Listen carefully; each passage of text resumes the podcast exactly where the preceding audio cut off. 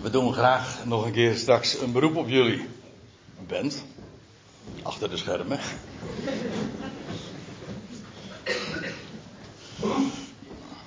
En over achter de schermen gesproken. Daar hebben we het vandaag eigenlijk ook wel sterk over. Want, goedemorgen overigens allemaal. Vrienden. Wij gaan inderdaad ons bezighouden met dat gedeelte wat door Juri zojuist is voorgelezen. En het eerste wat daarbij opviel, en dat heeft Juri zo even aangegeven, dat merkwaardige woordje onnavorsbaar. En eerder inderdaad in de week hebben we daar al eventjes over zitten stoeien. Want hij vond dat nergens in een woordenboek terug. Onnavorsbaar. En het is niet helemaal waar, Juri, trouwens. Want ik kwam dit tegen op mijn woordenboek.nl en toen zag ik het woord wel, onnavorsbaar. En dat betekent inexplorabel. Dus nou weet u het.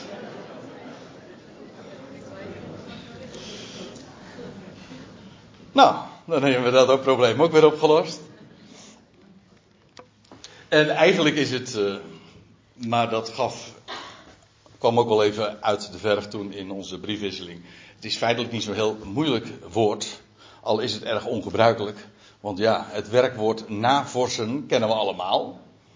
En als iets na te vorsen is, is het dus navorsbaar. En als het niet na te vorsen is, dan is het onnavorsbaar. Ja, dus zo moeilijk is het nou ook weer niet. En er is een woord dat er eigenlijk heel dichtbij in de buurt komt.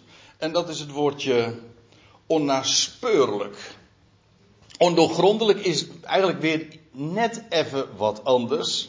Dat betekent dat je het niet kunt doorgronden. Als je iets niet kunt navorsen.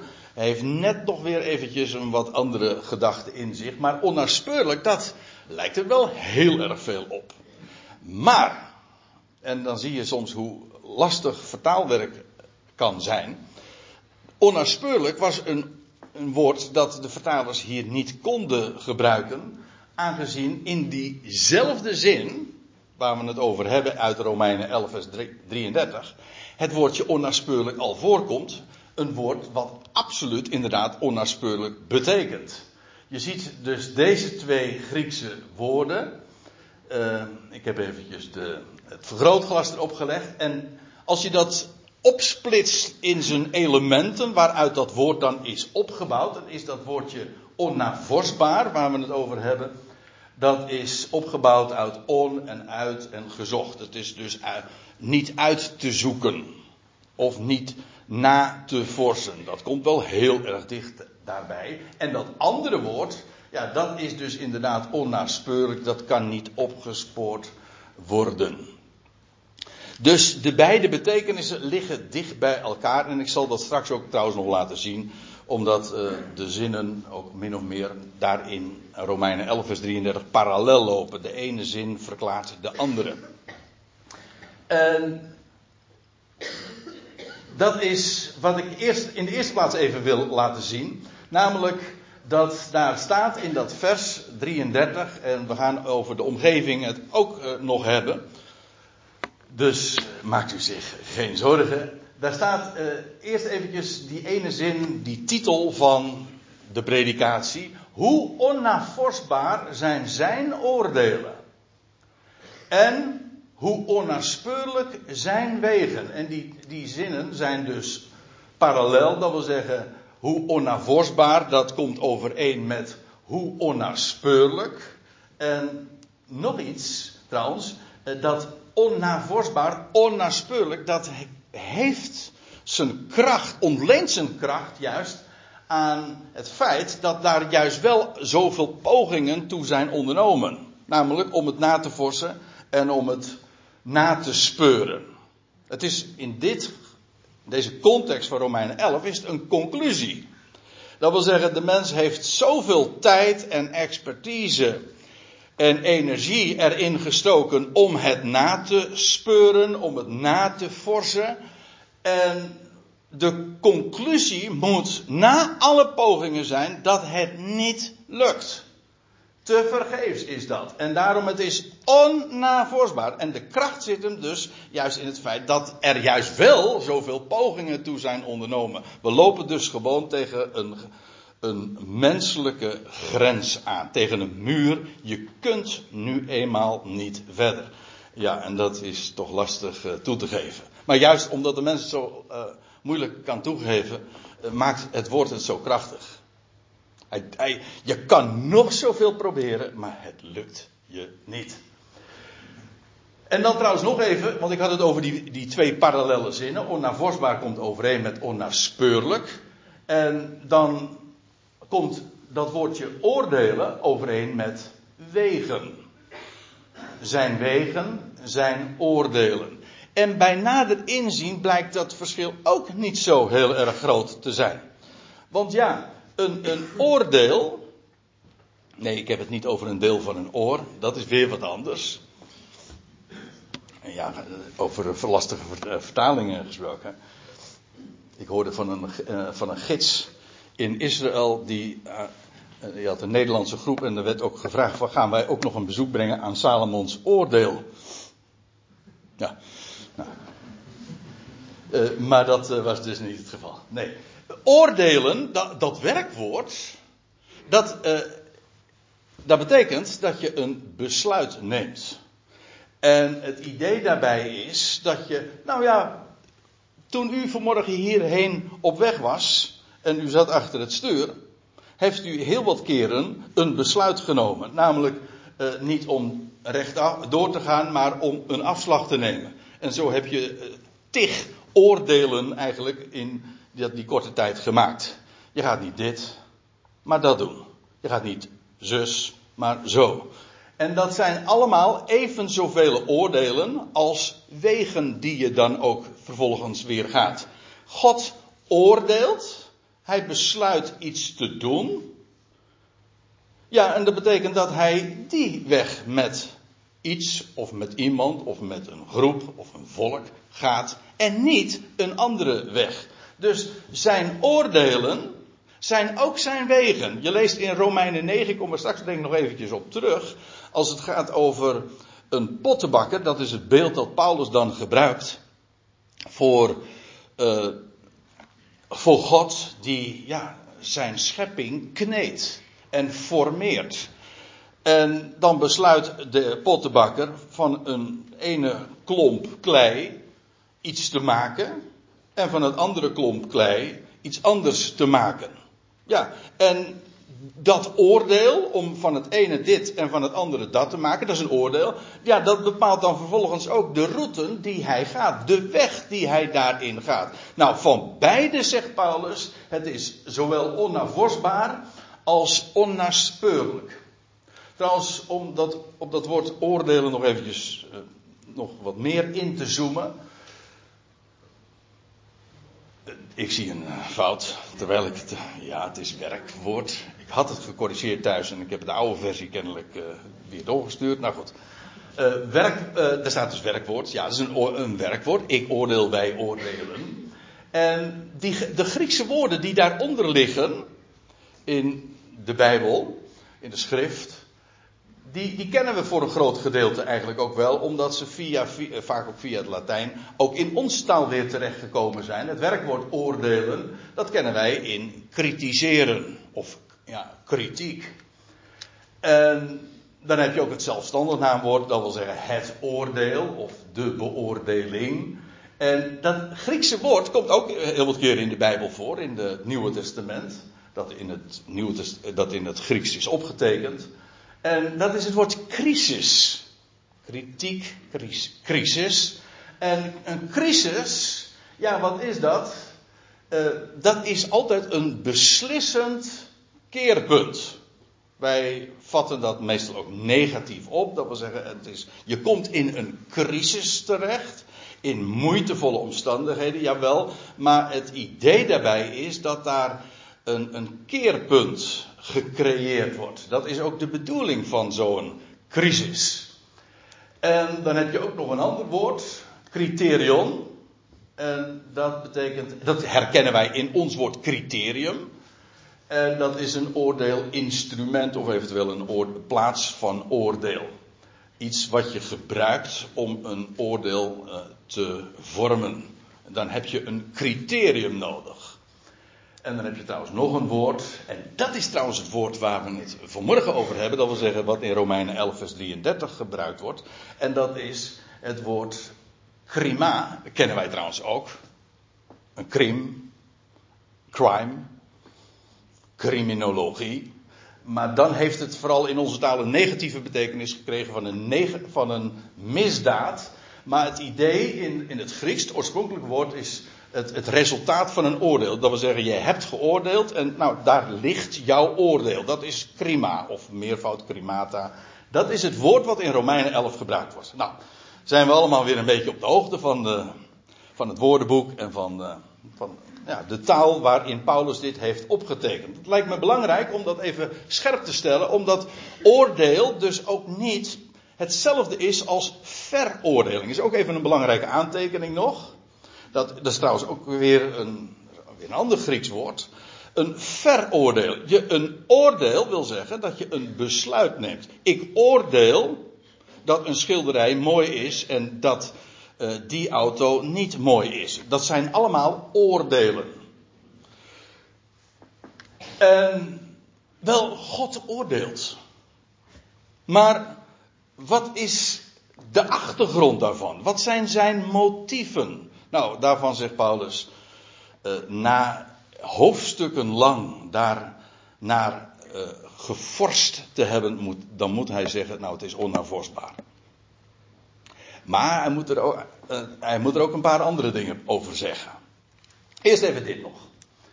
Uh, we, gaan, we gaan naar, voordat we in Romeinen 11 vers 33 aankomen en ook het navolgende zullen zien, wil ik eerst nog eventjes teruggaan naar het 32e vers. Het is een beetje lastig om, uh, om precies een oordeel te vormen over, ja waar begin ik nou eigenlijk? Maar goed, ik, ik heb geoordeeld dat het vers 32 is.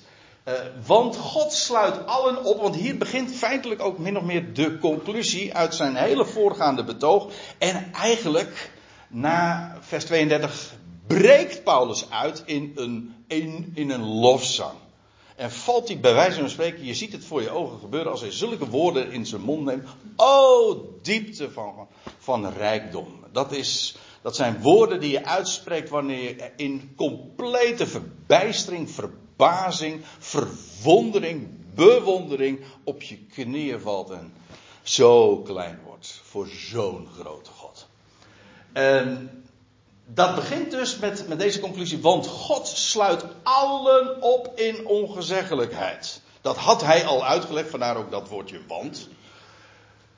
God sluit allen op in ongezeggelijkheid. Dat is op zich nou niet bepaald vrolijkmakend. Integendeel.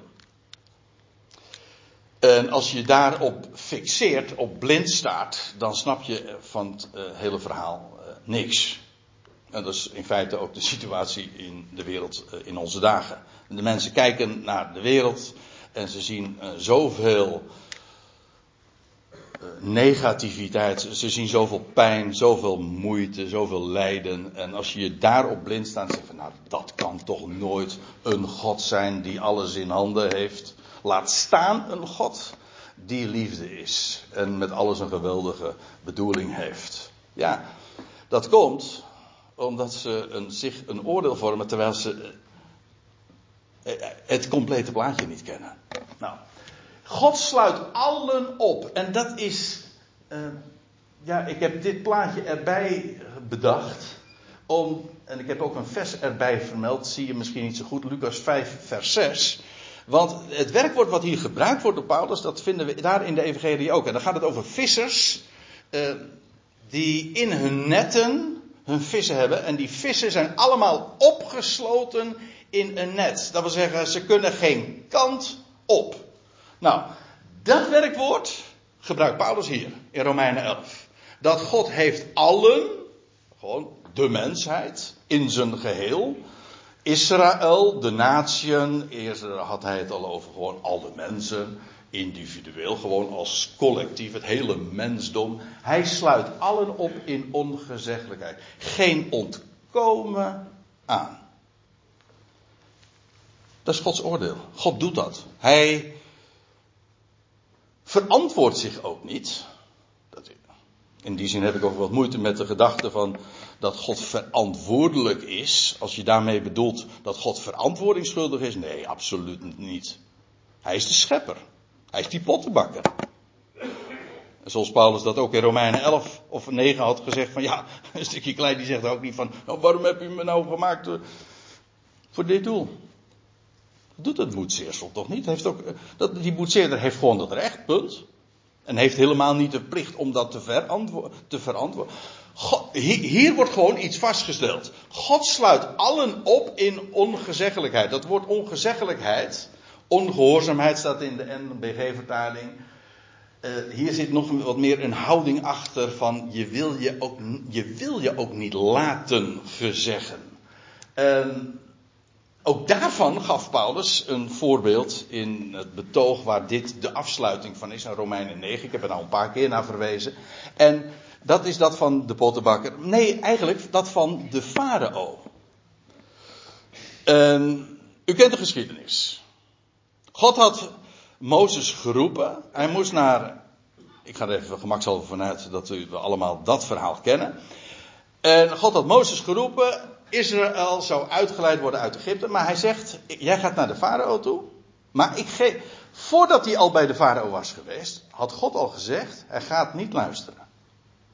En tegen, maar goed, ik ga hem het ook duidelijk maken. Er kwamen gerichten. En op een gegeven ogenblik zou farao bezwijken onder de druk. En wat lees je dan? Dat God zijn hart versterkt of verhardt, zodat hij gewoon nee kan blijven zeggen. Hij blijft ongezeggelijk. Farao was inderdaad, dat is een heel uh, duidelijk voorbeeld daarvan, hij was opgesloten in ongezeggelijkheid. God had, had op voorhand al gezegd tegen, tegen Mozes, maar Farao wist het niet. Farao wist maar één ding, namelijk Gods wil. Laat mijn volk gaan. Dat was de, de korte boodschap van Mozes aan en dus van God aan uh, Farao. Ja, laat mijn volk gaan. Dat was Gods wil. Hij wist niet wat Gods bedoeling was. Dat wist Mozes weer wel. En ja, en, en Farao die zegt nee. En zegt weer nee. En op een gegeven ogenblik, dan wordt de druk, kent het verhaal van die plagen en die geschiedenissen. En dan wordt de druk zo groot. En dan dreigt hij bezwijken. En dan versterkt God zijn hart. Ja, zodat hij nee kan blijven zeggen. En dan lees je ook dat God zegt dat dat zo uitgelegd wordt. God wilde zijn kracht betonen. En daar had hij een sterke wereldleider. Want dat was Farao. Hij was de machtigste man in die dagen. Geweldige legers. Wel, zo'n tegenstander was een uitstekend instrument om Gods kracht, die overtreffend is, te demonstreren. Dan heb je, dan heb je geen zwakke tegenstander voor nodig, maar een sterke. Nou, waarna de vraag komt, ja maar goed, dan heeft, wat heeft God dan nog aan te merken op Farao? Want dan heeft hij toch precies gedaan wat zijn bedoeling was. Ja, is ook zo. en dat is mooi, dat is geweldig in de Bijbelse boodschap. Er gaat bij God nooit wat mis. En zelfs als Farao Gods wil weerstaat en ongehoorzaam is, dan gaat er nog niks mis. Alles heeft een bedoeling. God, er staat in spreuken. God heeft alles gemaakt voor zijn doel. Zelfs de goddeloze, bijvoorbeeld Farao, voor de dag van het kwaad. Alsjeblieft. Ja, dat zijn uh, lastig te verteren dingen. Maar uh, ik moet zeggen, als je eenmaal dit uh, hier feeling mee krijgt, en dan is het zo. Wat een God zeg. Enfin, dat was Farao. En, en nou komt het, er staat, want God sluit alle op in ongezeggelijkheid. Jawel, en er staat erbij, opdat hij zich over allen zou ontfermen. Aha, dat staat dus niet op zichzelf. Hij sluit maar niet op in ongezeggelijkheid met alle gevolgen van dien. Als je daar een punt zou zetten, of als je je daarop blind staat, ja, dan snap je het niet. Nee, want waarom, wat, wat weet je dan niet? Nou, Gods motief. Dat hij daar een bedoeling mee heeft. En dat is nu juist het hele verhaal. God heeft een bedoeling. Hij heeft alles gemaakt voor zijn doel. Alles. Wat bedoel je? Nou, wat bedoel je met alles? Nou, gewoon alles. Noem één ding wat niet een bedoeling heeft bij God. Bestaat niet.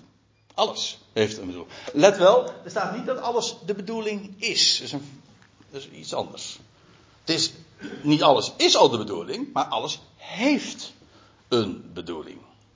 De, dat allen opgesloten zijn in ongezeggelijkheid, dat is niet de bedoeling. Dat heeft een bedoeling. Het, is, het maakt deel uit van een plan, oké, dat onbekend is bij de meesten. Kijk, in feite is het zo dat die onbekendheid uh, ja, een gegeven is. Wij weten dat niet. Wij, ja, wij zijn schepseltjes. Schepseltjes met een, met, ja, met een hoofd daarop, weet je wel. En, maar wat kan daar nou eigenlijk in? Ja, sommige mensen hebben wat groot hoofd, maar. Hè? Maar uh, ik bedoel, je kunt deze dingen niet vatten. En niet bevatten. Dat is onmogelijk. Hij is de, de schepper. Maar het is zo'n geweldige waarheid. Wat Paulus hier uh, uiteenzet. Dat, dat allen opgesloten zijn in ongezeggelijkheid. Dat heeft een doel. Opdat hij zich over allen zou ontfermen. Ik wil daar nu niet te veel bij stilstaan, maar het is wel buitengewoon belangrijk. Want dat woordje allen geeft ook aan dat er gewoon geen uitzondering is. Dat gold trouwens al bij het eerste. Heel de mensheid is opgesloten in ongezeggelijkheid. Dat is nog weer zoiets waarvan wij dan zeggen: hoe kan dat nou? Dat is toch onbillijk? Ik bedoel, toen ik in de wieg lag, daar heb ik A niet voor gekozen. Bizarre gedachte natuurlijk, alleen al om daar verder over door te denken. En dat ik een zondaar ben, dat was ik toen al, wist, wist ik veel. En ik was een sterveling, heb ik allemaal niet voor gekozen. Maar ik was het. Ik, eigenlijk was ik al, ja, een mens komt dan in, in feite al in een crisis, in moeite en problemen. Want wij denken dat als, als het kwaadje treft, of ziekte, of dood, of tegenslag. Oh, dat heeft natuurlijk te maken met zonde die je gedaan heeft. Dat Gods oordelen altijd te maken hebben met zonde, maar dat is helemaal niet zo. Dat is niet zo per definitie. Een heel boek gaat daar zelfs over. Want de vrienden van Job hadden ook dat idee van nou, nou komt, overkomt hem zoveel ellende, dan moet wel iets uh, te traceren zijn, iets na te forsen zijn in zijn leven wat niet helemaal deugt. Maar dat was helemaal niet aan de hand. Totaal niet. God had een plan, ja dat is waar. En dat geldt voor heel de mensheid. Heel de mensheid, ja, bestaat uit zondaren. En als, dan lees je in de Romeinen 3, dat is zo'n prachtige samenvatting. Daar staat al van, ja, er is niemand die goed is, zelfs niet één. Mocht je denken dat je een uitzonderingetje bent. Nee, die weg wordt ook wel afgesloten. En dan staat er, want allen zondigden en derven of missen de heerlijkheid van God. Allen. En worden om niet gerechtvaardigd door zijn genade in Christus Jezus. Alle hebben gezondigd. Allen derven de heerlijkheid Gods. En alle worden om niet gerechtvaardigd door zijn genade. Moeilijk is het niet hoor. Het is zo simpel. Maar dit is juist, ja, dit is het goede nieuws. Dit is de, het evangelie, het goede bericht wat God te melden heeft. En dit, gaat, dit, dit, dit, is, het is volstrekt oninteressant wat uw of mijn opinie daarover is. Dus dit is de mededeling. Wij stellen vast dat we allemaal zondaren en stervelingen zijn.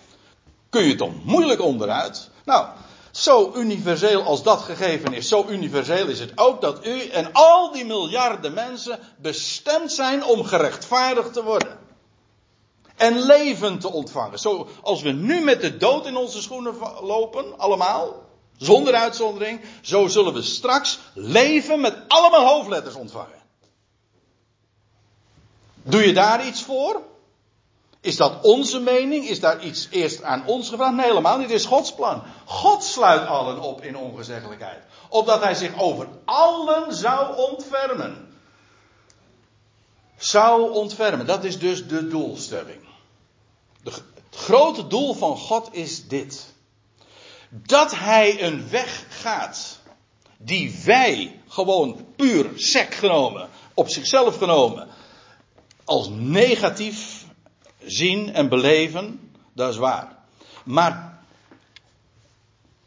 je begrijpt het alleen maar wanneer je, en dat, ja, hoe weet je dat? Hoe kan ik dat nu al weten? Dat kan ik alleen maar weten, niet omdat ik het navors, want dat is het niet, maar omdat God het bekend maakt.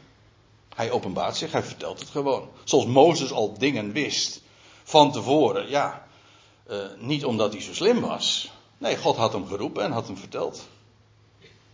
God dat doet, zo doet God dat ook. Als hij iets onderneemt, dan maakt hij dat aan zijn vrienden bekend. En Mozes wist dat. En dat is nu ook zo. Hoe weten wij van deze dingen? Ja, omdat hij dat bekend gemaakt. Hij heeft instrumenten ingezet aan wie hij zijn boodschap doorgegeven heeft. En heeft laten optekenen. En voilà. Dit is het. Dat is alles. Wat we nodig hebben. Hij, hij, God sluit alle op in ongezeggelijkheid, opdat hij zich over allen zou ontfermen. Let op, dit is de doelstelling. Dit is geen tijdpad. Want, ja, dat is nog even een verhaal apart. God gaat zich over alle ontfermen. Maar dan moet ik er wel bij zeggen, dan moet je wel de tijd hebben. En God heeft de tijd. Wij niet. Wij krijgen tijd toebedeeld en wij zijn altijd gelimiteerd in tijd. God niet. God is de creator van de tijd en ruimte. Hij staat daarboven en buiten. Hij kan er wel inkomen in de tijd. Doet hij ook, deed hij ook. Maar hij staat erboven. Hij heeft de tijd. Laten we eens eventjes uh, concreet worden. En dat voorbeeld wat ik zojuist gaf over de farao. Er is geen foto van hem, ik weet niet, zo, zo, stel ik me hem voor, van farao. En hoe dat gegaan is. En hoe God hem opsloot in ongezeggelijkheid, met alle gevolgen van dien. Maar hoe hij zich uiteindelijk ook over hem gaat ontfermen, concreet. Nou, laten we dat eens eventjes gewoon een, in een soort van tijdlijn neerzetten. Kijk, Farao wordt geboren. Ik heb even een knop daaronder gezet. Dat is de knop van afspelen, die u allemaal op uw uh, audioapparatuur of de tv hebt. Weet je, dan druk je op de knop en nou, dan begint het leven eventjes als beeld. Eh, drukt God op de knop en dan begint het leven zich af te spelen. Ah, Farao wordt geboren en hij leeft uh, zoveel jaren. En Farao, u weet hoe het gegaan is, ik vertelde zojuist al het een en ander over. En uiteindelijk is hij met al zijn legers omgekomen in de Rode Zee. Ja, en toen is hij verdronken. Nou, en toen, ja, toen was Farao dood. Nou, dan krijg je een hele lange pauze. Ja, ik heb ook dat weer even weergegeven met zo'n pauzeknop. Farao's leven hield op. De geschiedenis gaat gewoon door, want inmiddels zijn er al pakweg 3500 jaren gepasseerd sinds, uh, sinds Farao uh, leefde. Ja. En wat, wat, en wat Farao nu? Nou, die is dood. Ja, voor ons is dat het einde van hem. Wij kunnen ook niet meer. Nee, maar voor God was het een pauzeknop. Farao's ervaringen hielden op dat moment op. Is dat het dan? Nee, want die gaat weer lopen. Dat duurt trouwens ook nog eens een keertje, nou zeker nog duizend jaar. Dus uh, ik, dat bedoel ik dus. God heeft de tijd, maar hij neemt ook de tijd. En eh, er komt een moment dat Farao weer op gaat staan. En dan wordt de pauzeknop weer ingedrukt. En dan gaat het leven, dan gaat het leven van Farao weer lopen. Ja, want God heeft nog, nou ik wou zeggen een appeltje met hem te schillen. Dat is, eigenlijk heeft hij dat al geschild. Maar hij wil Farao nog wel het een en ander bekendmaken. En dat is, nou ja, ik heb het plaatje maar van een troon of een stoel of de grote witte troon. Farao moet gericht worden. Farao moet nog allerlei dingen moeten gecorrigeerd worden. Hem moeten dingen onthuld worden, bekendgemaakt worden. Alles in zijn leven moet op zijn plek gezet worden. Nou, dat is waar die grote witte troon op voor dient. Ik ga daar nu verder niet op in. Het gaat mij even om duidelijk te maken dat hij leefde duizenden jaren lang. Is Farao gewoon van toneel en nou, was hij dus dood? Nee, hij leefde niet op een andere manier verder. Hij is dood. En straks, bij gelegenheid, wordt hij, staat hij op en wordt hij gericht. Maar ik moet erbij zeggen, uh, gaat hij opnieuw dood. Hij is nou een, on, een ongelovige, daar ga ik even van uit. Ik ga dat nu verder niet uitleggen. Maar hij gaat opnieuw dood. De Bijbel noemt dat dan ook de tweede dood. Hij sterft voor een tweede keer. En dan krijg je weer een hele periode dat Farao dood is. Een heleboel mensen, ik bedoel christenen, die zeggen dat is dus einde verhaal. Nou, die stellen zich trouwens de dood nog anders voor als een afschuwelijke plaats van, van lijden en pijniging en foltering. Nou, dat kun je wel vergeten. Dat is niet zo. Maar bovendien, het allerbelangrijkste, die dood wordt er niet gedaan. En er komt een moment dat de dood wordt er niet gedaan en raad eens wat. Als de dood wordt er niet gedaan. Dat is in die laatste aion, dat wereldtijdperk waarin Christus zal heersen. Hij moet heersen totdat hij de dood als laatste vijand zal teniet doen. Ja, en wat, wat gebeurt er als de, dood wordt er niet gedaan? Nou, dan worden alle mensen levend gemaakt. Alle mensen die dan nog dood zijn, worden levend gemaakt. En als allen zijn levend gemaakt, ja, dan is er geen dood meer. En dat is precies wat er gaat gebeuren. Farao wordt levend gemaakt. En ziet u, uh, ja, dit zijn geen, geen lijnen in verhoudingen. Geeft, want in werkelijkheid is die stippenlijn nog veel langer. Als je het verhoudingsgewijs zou moeten zien. Maar het gaat mij even om het punt. Farao leefde. Hij, wordt op, hij, wordt, hij staat op bij de grote witte. En nog op een veel later tijdstip gaat God zijn ontferming aan hem bewijzen. Staat hij op in onvergankelijk leven. En dan pas, ooit was hij opgesloten in, in ongezeggelijkheid. En God gaat zich over hem ontfermen en dat ook bewijzen. Maar daar zitten ionen tussen. Wereldtijdperken. Eeuwen, millennia.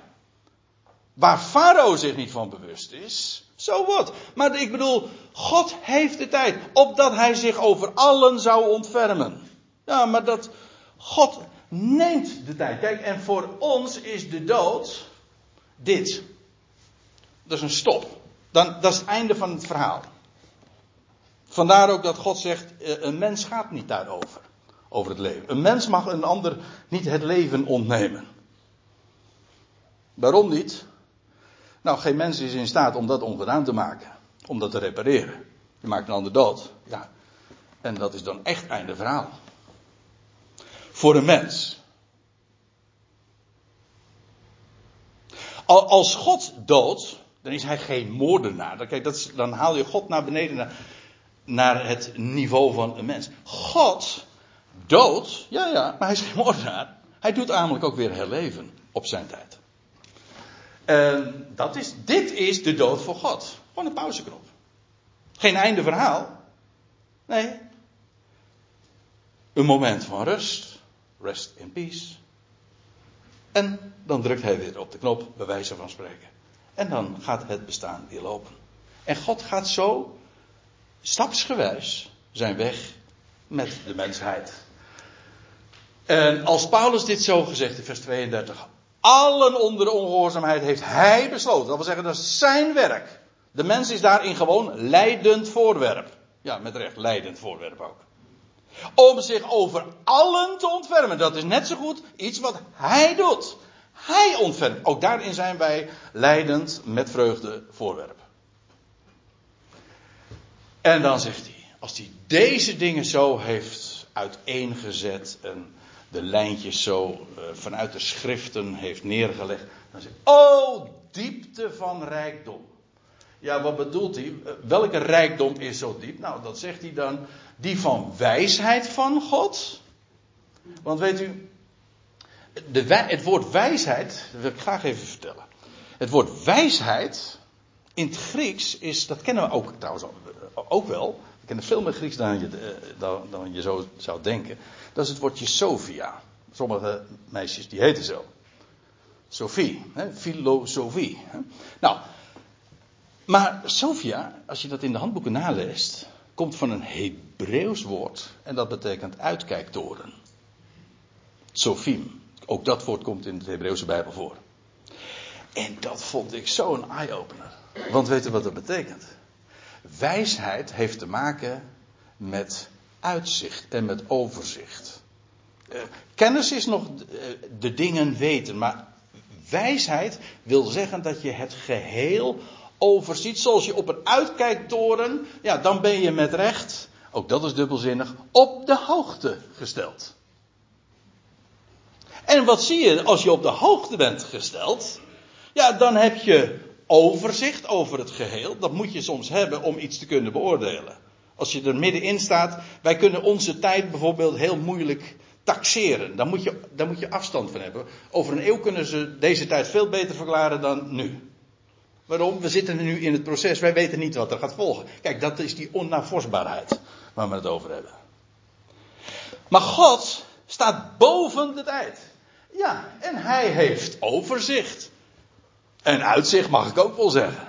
Ja, want hij weet er gaat niks mis. En mijn plan. Van tevoren, voordat het hele. Ja, sorry dat ik het even oneerbiedig zeg. Het hele circus begon. Wist hij de afloop al. Tot in detail. O diepte van rijkdom, van wijsheid en van kennis van God. Ja, uh, kennis van God, dat is weten wat hij weet. Eigenlijk wat Paulus uh, zegt is, ja, trouwens dat is uh, de clue van het boek Job, waar ik het even zojuist over had. Dat God op een gegeven ogenblik het woord neemt. Geeft, geeft God dan antwoorden op de vragen die gesteld waren in het boek? Nee. Weet u wat hij wel doet? Zelf vragen stellen. En die komen allemaal hierop neer. Hé hey Job en vrienden. Weet jij wat ik weet? En dan gaat hij vertellen, dan gaat hij vragen stellen. Weet jij hoe dat zit? En dan gaat hij het over de, over de zee, over de oceanen, over de loop van de planeten. En nou ja, de hele schepping. En welke, op welk ding je ook inzoomt. We weten er helemaal niks van. Onlangs las ik van, van iemand. Uh, hij zegt, weet je dat, we, dat er al, al tientallen uh, jaren, uh, honderden misschien wel duizenden wetenschappers bezig zijn met het onderzoeken van een fruitvliegje. En we weten er nog geen bal van. Nou, dat is een beetje overdreven misschien. Maar ik bedoel maar. We, weten wij wat hij weet? Nee, natuurlijk niet. Doe niet zo arrogant. Dat is de arrogantie van de mens. En als je eenmaal daar uh, achtergekomen bent met die kennis van God en de wijsheid van God, ja, dan zeg je dit. Oh, diepte. Hoe onnavorsbaar. Nou zijn we er weer. Hoe onnavorsbaar zijn zijn oordelen. Hoe onnaspeurlijk zijn wegen. Dat wil zeggen, die zijn zo diepgaand. Qua wijsheid en qua kennis. En wij zijn zo oppervlakkig. Wij zijn wel grenzeloos, maar oppervlakkig. Ja. Dat is. Dat is eigenlijk het vraag. Oppervlakkig, dat wil zeggen, wij, we, zien, we, we zien dat wat voor ogen is. Ja, de buitenkant, de oppervlakte. Maar Gods wijsheid en Gods kennis, ja, die gaat zo diep. Daar hebben we geen notie van. Hoe onnavorsbaar zijn zijn oordelen, hoe onnaspeurlijk zijn wegen. Want wie kende het denken van de Heer? Of wie werd zijn adviseur? Wie heeft hem gezegd van wat hij zou moeten doen? Als wij iets weten, dan komt dat omdat hij ons ingelicht heeft, niet omgekeerd. Dat, het is zo belangrijk om te weten dat God de plaatser is, maar ook dat je zelf op je plaats gezet wordt. Gewoon, je weet, ik ben een creatuurtje. En wat God met een creatuurtje kan doen, dat is ongelooflijk veel. Op het moment ook dat hij zijn woord aan een mens bekend maakt. Ja, wat krijg je dan? Dan krijg je kennis, maar ook wijsheid. Uitzicht, overzicht. Maar wie, wie kende het denken van de Heer? Wie, kan daar trouwens in doordringen? En of wie heeft hem ooit geadviseerd? Wie heeft hem aan hem eerst gegeven waarvoor hij zal worden terugbetaald? Is God de mens iets schuldig of zo? Nee, helemaal niets. Hij heeft ons bedacht, daar begon het al mee. En vervolgens creëerde hij ons. En daarop formeert hij ons. En hij formeert ons mede ook door oordelen, door crisissen heen. En dan pakt hij een stuk klei om even bij het beeld te blijven. En dan gaat het zo weer in elkaar gezet worden. Waarom? Ja, nou, die pottenbakker die weet wel waar hij mee bezig is. Het is wel een pottenbakker. maar hij maakt er geen potje van. Als u begrijpt wat ik bedoel. Hij is de grote creator. En hij is geen verantwoording schuldig. Sowieso is hij helemaal niets verschuldigd. Maar hij weet wat hij doet. En niets is te vergeefs.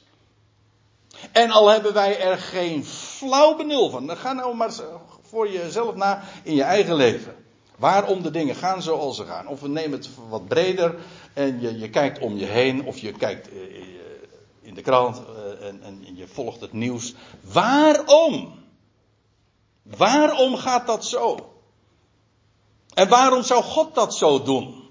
Wat is, waar is dat goed voor? En dan zeggen wij van, uh, ja oké, God heeft contrast nodig, maar nou weet ik het wel, zeggen we dan. Zo van uh, die intensiteit en die tijdslengte die God daarvoor inzet en gebruikt, dat is, dat waar is dat goed voor? Al, en het is heel vermetel, dus heel arrogant om dat te denken, om even op Gods stoel te gaan zitten en zeggen van wij weten het beter. Dan ga je God adviseren. Wie denk je wel dat je bent? Je bent een schepseltje. En meer niet. Nou ja, dat is al heel wat, dat je een creatie van Hem bent. God's original creation. Uh, in feite zit daar al in gegeven van, het komt dus helemaal goed. Ja, maar je bent en je blijft een creatie. En Hij de creator. Nou, en dat is dan de uiteindelijke lofzang waar het in, in, in resulteert. Dat Paulus dan uit, want vanuit Hem en door Hem en tot in Hem. Want eigenlijk de, de klemtoon ligt op Hem en Hem alleen. We gaan straks ook zingen. Ja, vanuit Hem door, vanuit. Het zijn drie voorzetsels die hij gebruikt. Dat wil zeggen vanuit hem. Dat wil zeggen het komt uit hem voort. Hij heeft het bedacht. Hij heeft het ook voortgebracht. Hij heeft het gecreëerd. Dat is het verleden. Ja, het is ook allemaal door hem. Het gaat door hem heen. Het, niets gaat buiten hem om. Dat kan niet. Want alles gaat door hem.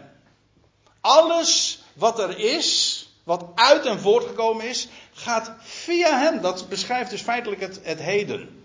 Ja, en waar komt het dan uit? Uiteindelijk terecht. Gewoon precies daar waar het vandaan komt. Want er staat, en het is vanuit hem, het is door hem en ook weer tot in hem. Dat is het eigenlijke voorzetsel wat gebruikt wordt. En dat wijst vooral toch naar de toekomst. Dus zoals alles uit God voortkomt, en ook door hem beschikt wordt en geplaatst wordt. En een plek krijgt in ruimte, in tijd. Zo komt alles ook bij hem weer terecht. In, ja, niet alleen bij hem terecht, maar in hem ook weer terecht. Geweldig. Dit is in één zin heel de geschiedenis van de kosmos. Uit hem en door Hem en tot in Hem zijn alle dingen. Noem een uitzondering, bestaat niet. Kijk, dat, dat zijn wij. En ik vind dat zo geweldig. Dat we zo'n groot, alomvattend God hebben. Die inderdaad zo'n geweldig plan heeft. Met heel zijn schepping. En er staat aan hem de heerlijkheid tot in de Ionen. Ja. Aan wie komt de heerlijkheid toe? En hoe gaat hij zijn heerlijkheid ook weer geven? Want kijk, Gods werk is nog niet af. Dat is het grote probleem met mensen die zich nu een oordeel vormen over, over, over de schepping en over de gang van zaken. Want dat kan geen God van liefde zijn.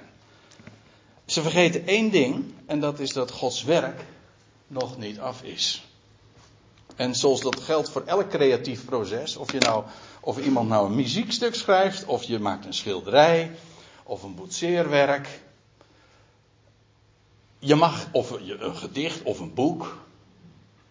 Je mag er pas iets over zeggen en vinden als het af is. Een gedicht ga je toch ook niet beoordelen als je hem voor de helft gelezen hebt. Ze zeggen dan, het rijmt aan het eind.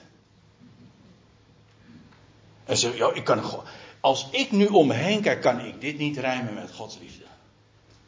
En dan zeg ik, Het rijmt aan het eind.